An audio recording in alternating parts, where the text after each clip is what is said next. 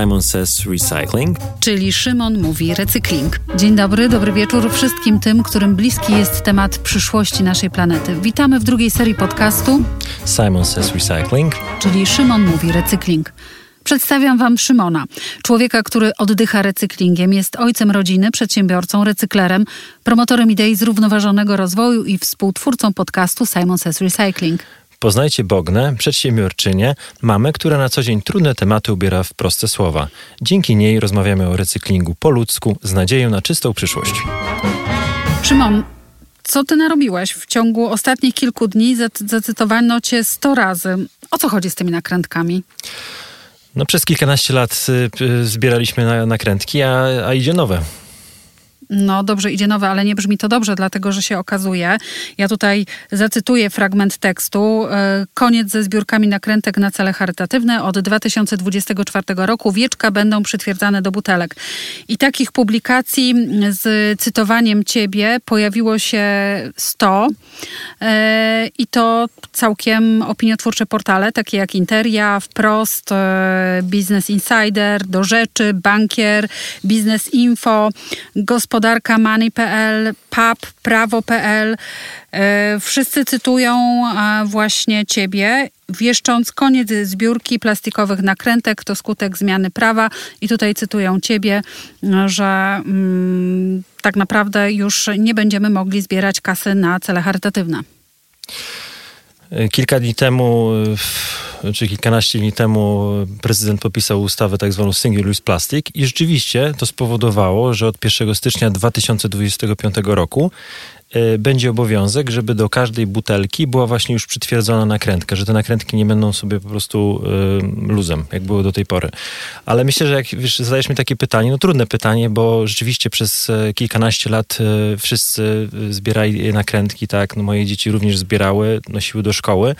E, to może cofnijmy się. Tak, jaki, no... jaki, był, jaki był powód? Po co zbieraliśmy te nakrętki? Ja może ciebie, Bogna, zapytam, po co zbierałeś nakrętki? Czy, czy w ogóle zbierałaś nakrętki? Tak, oczywiście, że zbierałam nakrętki. Moje córki córki e, zbierały worki nakrętek w domu, po sąsiadach, potem zanosiły do szkoły i ja nie wiem, co się z nimi dalej działo, więc liczę na to, że dziś wytłumaczysz, o co chodzi z tymi nakrętkami, e, jaka była ich droga. No faktycznie zbieraliśmy.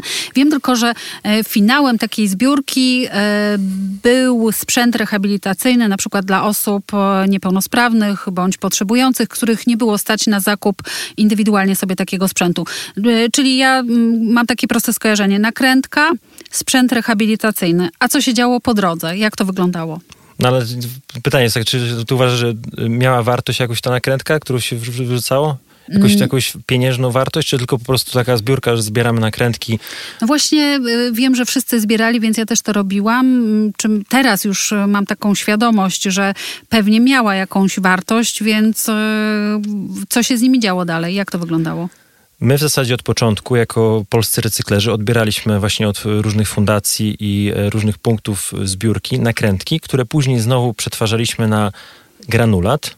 E, to jest, e, nakrętka jest zrobiona z, z takiego surowca HDPE, czyli wysokociśniowy polietylen i te nakrętki znowu się w postaci takiego regranulatu y, przetwarza znowu na produkty. Z nakrętek różne, różne rzeczy można robić te, tak, tak zwaną metodą wtrysku, a można zrobić po, znowu jakieś, jakieś po prostu produkty z tworzyw sztucznych. I jaka to była kasa? Wiesz co, nie mam dokładnych danych, jaka to była skala, ile, ile, odzyskali, ile było odzyskiwane tych nakrętek, ale w całej Polsce mamy 250, to można łatwo policzyć, 250 tysięcy ton butelek PET. Y, w, na każdej butelce jest nakrętka, y, która waży około 3,5 grama. Cena rynkowa y, tych nakrętek w ostatnich kilku czy kilkunastu latach to było między kilkaset złotych za tonę, 1000-1500 złotych za tonę tych nakrętek. Czyli mówimy, że jeżeli w całej Polsce Y, producenci wprowadzali na rynek około 30 tysięcy ton nakrętek HDPE, no to wartość rynkowa tych y, nakrętek to jest około 43 milionów złotych, czyli 10 milionów dolarów. Wszystkie nakrętki ze wszystkich butelek w całej Polsce rocznie to jest 10 milionów dolarów. Zebranie tych nakrętek w takiej ilości jest niemożliwe. zbierane były określone ilości. Czy mógłbyś powiedzieć, ile trzeba by było albo ile trzeba było zebrać e, tych nakrętek, żeby mieć z tego na przykład 2000 złotych? 700 tysięcy mm, nakrętek. Jak to jest na tony?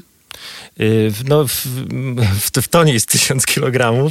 Y, y, jeżeli jedna nakrętka waży 3,5 grama, czyli do, żeby mieć tonę, czyli sprzedać nakrętek za jedną, za 1500 zł, trzeba było, czy trzeba mieć 350, około 350 tysięcy nakrętek. No bo te, te nakrętki teraz trochę są, można powiedzieć, chudsze niż kilka lat temu, dlatego że producenci w związku z tym, że surowiec jest drogi, trochę ograniczają tę, tą masę tych nakrętek ale mówimy, że nadal to jest około tam 3-3,5 grama. A jak e, ta ilość wygląda? Jaka to jest góra? Czy to jest, nie wiem, jedna ciężarówka? Czy to jest jakaś e, góra wielkości wieżowca? Jak byś to przyrównał? Jak e, wygląda w, w ciężarów, ta tona? Taka ciężarówka, mm, duża ciężarówka wypakowana tak zwanymi big bagami, czyli tymi takimi dużymi workami z nakrętkami w środku, no to mogło być około 10 ton nakrętek, czyli 3,5 miliona nakrętek. Czyli nad jedną dużą ciężarówkę, ale w postaci luzem, czyli jeszcze nie rozdrobnione, bo jak jest rozdrobnione, to wiadomo, że w tym momencie więcej się zmieści, bo już jest to yy, yy, tak zwane pośredowane się mówi, czyli pocięte. Yy, czyli na ciężarówkę może się zmieścić 3,5 miliona takich nakrętek. E, I taka ciężarówka może być warta w tym momencie około kilkunastu tysięcy złotych i właśnie te kilkanaście tysięcy złotych jest pewnie koszt wózka, o którym mówiłaś na początku. W tych publikacjach, e, w których pojawiają się innymi twoje cytaty, pojawiły się cytaty innych osób, które mówią wprost, że mm, zbiórka nakrętek to ekościema. Jak byś to skomentował? Że to jest ekościema. Dlaczego? Skąd się to wzięło w ogóle? E, ciężko mi powiedzieć, dlaczego, dlaczego miała być to ekościema, bo dla nas, jako dla firm recyklingowych, odpad w postaci, czyli tych nakrętek, ma wartość. I ma, wartość, która jest czasami wyższa, czasami, czasami było to 800 zł za tonę, czasami 2000 zł za tonę. I, i, I, dla firm czy fundacji, które zebrały te nakrętki, to był po prostu konkretny przychód. Myślę, że to, co mówisz, mogło być spowodowane tym, że z perspektywy technologicznej, jeżeli ta butelka trafia do recyklera razem z nakrętką, czyli jeżeli, jeżeli przykładowo zgnieciesz butelkę i nakręcisz, zakręcisz tą nakrętkę i oddasz do recyklingu, każda, każdy zakład recyklingu, czy w Polsce, czy w Europie, czy na świecie, jest przystosowany do przetwarzania tych butelek PET razem z nakrętką. Czyli z perspektywy technologicznej to nie było yy, potrzebne. Ale z, per, z perspektywy ekologicznej to było bardzo dobre rozwiązanie. Tak, ale tutaj wchodzimy, jak, jakie są dodatkowe plusy zbierania tych nakrętek, a szczególnie w takim społeczeństwie jak nasze, że my jeszcze kilkanaście lat temu prawie 100% wszystkich odpadów komunalnych jeździło na wysypiska. W tym momencie jest to około 40%, tak? Ym, Polacy nie umieli segregować odpadów dlatego, że wcześniej nie musieliśmy segregować odpadów. Więc żeby się nauczyć segregacji, to no ta akurat y, akcja zbierania nakrętek była bardzo słuszna. Ale segregacji, która ma sens, dlatego że mm, w naszych wcześniejszych rozmowach e, powoływałeś się bardzo często na to, że w momencie, kiedy przesegregowywana była butelka razem z nakrętką i zakręcana, to w środku tej butelki pozostawało powietrze i później te butelki z powietrzem zajmowały... Oczywiście, ale właśnie y, ja mam przez to takie trochę zboczenie zawodowe, że często zaglądam do żółtego pojemnika i co tam widzę? Widzę tam po prostu do dzisiaj e, butelki, które jeszcze mają na przykład jedną trzecią napoju, albo jakiegoś e, słodkiego napoju, albo wody i są zakręcone. Czyli co, przyjeżdża w tym momencie śmieciarka i zabiera ileś tam takich butelek i co wozi ta śmieciarka? Płyn i powietrze. Tak, a powinno, powinna wozić opakowanie. I dlatego ta akcja zbierania nakrętek miała o tyle sens, że jeżeli ktoś odkręci tę nakrętkę z butelki, to znaczy, że, y, że jak już ta butelka trafia później do śmieciarki, to ona zostanie, ona zostanie zgnieciona i w tym momencie nie zajmuje tak dużo przestrzeni. A przecież wiadomo, paliwo, czyli diesel, które te śmieciarki wykorzystują, jest bardzo drogie, więc nie chcemy wozić powietrza i wody. I z tej perspektywy właśnie to nie była jakoś ściema, wręcz to było bardzo ekologiczne rozwiązanie, żeby nauczyć Polaków, żeby te nakrętki odkręcać, żeby te po prostu nie wozić powietrza i napoju. E, wrócę jeszcze do tej e, ściemy, nie wiem czy ekościemy, czy ściemy, ale różne opinie się pojawiają wśród e, ludzi, którzy podobnie jak ja nie do końca rozumieli ten mechanizm przekazywania nakrętek i pozyskiwania pieniędzy. Czy ty osobiście, jako recyklar, spotkałeś się z czymś takim, że ktoś do ciebie przyjechał właśnie z tymi nakrętkami, a ty je odkupując przekazałeś kasę na jakiś cel właśnie szczytny, charytatywny? Tak, oczywiście to się dzieje, można powiedzieć, codziennie w całej Polsce. Czyli po prostu nakrętki przyjeżdżają do naszych zakładów recyklingu i my je przetwarzamy. Okej, okay, czyli system działa, więc z mojej perspektywy wygląda na to, że organizacje pożytku publicznego, fundacje stracą na tym no tak jak powiedziałem, jeżeli wejdzie ten system kaucyjny, też ten ta single use plastic i te, te nakrętki nie będą zbierane, no to tak, to jest fakt. Jeżeli mówimy, że jeżeli w całej Polsce wszystkie nakrętki, wartość y, tego, tych nakrętek to jest około 40 milionów złotych, y, nie mamy dokładnych statystyk, ile tych nakrętek odzyskiwaliśmy, ale no przypuśćmy, że to było 30%, 50%, no kiedy, to, to nadal mówimy, że to jest kilka milionów złotych. To mogło być między 5 a 10 milionów złotych, że wszystkie te właśnie e, organizacje pożytku publicznego miały przychód. Kilka do, do, do może 10 milionów złotych rocznie. Czyli rzeczywiście, jeżeli przestajemy zbierać nakrętki, to pozbawiamy y, te organizacje tych wpływów. A czy jest szansa w nowym, planowanym systemie gospodarki odpadami, który zakłada wprowadzenie systemu kaucyjnego, jest miejsce na inne źródło pozyskiwania pieniędzy na cele charytatywne? Ja uważam, że w tym nowym systemie, o którym teraz mówimy, jest szansa, żeby e, fundacje zarabiały 10 razy tyle e, na, na można powiedzieć, odpadach z tworzyw sztucznych. Bo e, już w Niemczech funkcjonuje to w ten sposób, że masz do wyboru. Jeżeli przykładowo jest to 25 eurocentów za jedną butelkę, to możesz zadecydować, czy chcesz, żeby automat ci wypluł te 25 centów, czy ty chcesz przeznaczyć to na cel charytatywny. I mam nadzieję, że w, w projekcie właśnie systemu kaucyjnego tego typu rozwiązanie będzie również e, w, w, e, uwzględnione. No tak, i to jest przede wszystkim wolność wyboru dla nas. To my decydujemy, czy chcemy przyjąć tę złotówkę, czy chcemy przekazać na cel charytatywny. E, Dlatego właśnie na, na moją obronę chciałbym powiedzieć, że ja nie chcę, żeby fundacje miały mniej pieniędzy e, na cele charytatywne, tylko chcę, żeby tych pieniędzy miały więcej. Kiedy byłam e, w Szwecji e, miesiąc temu i przyglądałam się systemom kaucyjnym, to tam też e, zobaczyłam, że różne kluby sportowe czy też organizacje właśnie pozarządowe organizowały zbiórki właśnie całych e, butelek PET i później były one, najpierw one były zbierane, a później uroczyście się je oddawało do punktu skupu, z czego pozyskiwało się całkiem sensowne pieniądze. I to też jest forma właśnie ale zbierania oczywiście, kasy. Ale, ale bo teraz, żeby to roz, e, troszeczkę na czynniki pierwsze, pierwsze jeżeli mamy, że dzisiaj za 350 tysięcy, przykładowo masz fundację, zbierzesz 350 tysięcy nakrętek i dostajesz 1500 e, zł.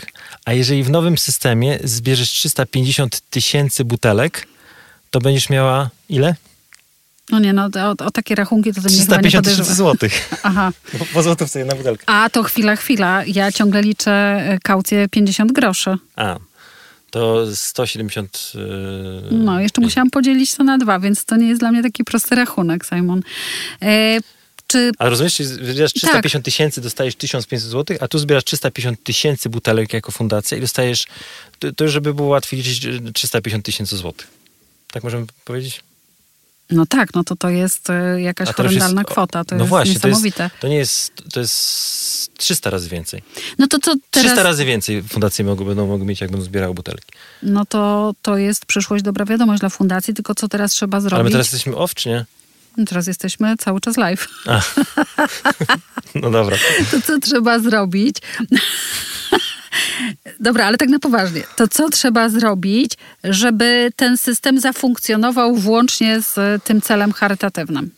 No myślę, że tak, powstaną operatorzy, którzy będą odpowiedzialni za ten system kaucyjny Na ten moment ten projekt uwzględnia, że może być wielu operatorów i po prostu w ustawie powinna być taka opcja, że te pieniądze albo są zwracane dla ciebie, jako tą butelkę oddajesz, albo po prostu zostają na cele charytatywne, bo jest podpisana na przykład yy, właśnie umowa z jakąś fundacją.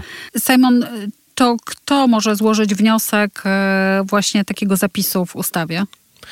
Y, no, jako w zasadzie każdy obywatel przy, przez różnego rodzaju organizacje może y, brać udział w konsultacjach, ale myślę, że jeśli chodzi o kwestie celów charytatywnych w, mm, i w systemie kaucyjnym, to powinny to zrobić fundacje. Czyli mówimy, jeżeli są fundacje, które na ten moment się tym zajmują, się wyspecjalizowały w tym, żeby pozyskiwać pieniądze i też mają już szczytny cel, na, y, na który chcą przeznaczyć te pieniądze, to powinny właśnie brać udział w konsultacjach, no i dodać tego typu poprawkę. Jest jeszcze na to czas? E, tak, e, dlatego że prezydent podpisał ostatnio single use plastic, ale system kaucyjny nadal jest procedowany, czyli jeszcze będzie moment, kiedy on wejdzie na komisje sejmowe. Czy w takim razie mm, fundacje i czy my mamy zakończyć zbiórkę tych nakrętek? Nie uważam, że dopóki istnieją te stare przepisy, czyli jeszcze przez półtora roku, można, można zbierać te nakrętki i my jak najbardziej jako branża recyklingowa będziemy je odbierać, bo dla nas jest to czysty surowiec do produkcji które możemy później znowu, znowu robić regranulat i y, dać tym nakrętkom drugie życie. Y, ale myślę, że już fundacje powinny y, się zastanawiać, co będzie dalej. Czy już teraz przy, powoli się przygotowywać, co wydarzy się właśnie od 1 stycznia 2025. No i te półtora roku jest też e, dla nas czasem, żeby przygotować e, system kaucyjny, co najmniej półtora roku, bo nie wiadomo, może to potrwać dłużej, przygotować tak system kaucyjny, aby jednocześnie wspierał te fundacje. E, jeżeli fundacje się tym nie zainteresują, czy nie będą brały udziału w, brały udziału w konsultacjach, to istnieje takie ryzyko, że po prostu całość tych, y, tych środków będzie przeznaczona po prostu tylko na system, y, żeby odzyskać te, te, te pieniądze z tej kaucji, a cele charytatywne nie będą y, realizowane. Czyli warto jest po prostu działać. I tym optymistycznym akcentem e, kończymy nasz podcast i mówimy wszystkim do usłyszenia. Do usłyszenia. Simon says recycling. Czyli Szymon mówi recykling.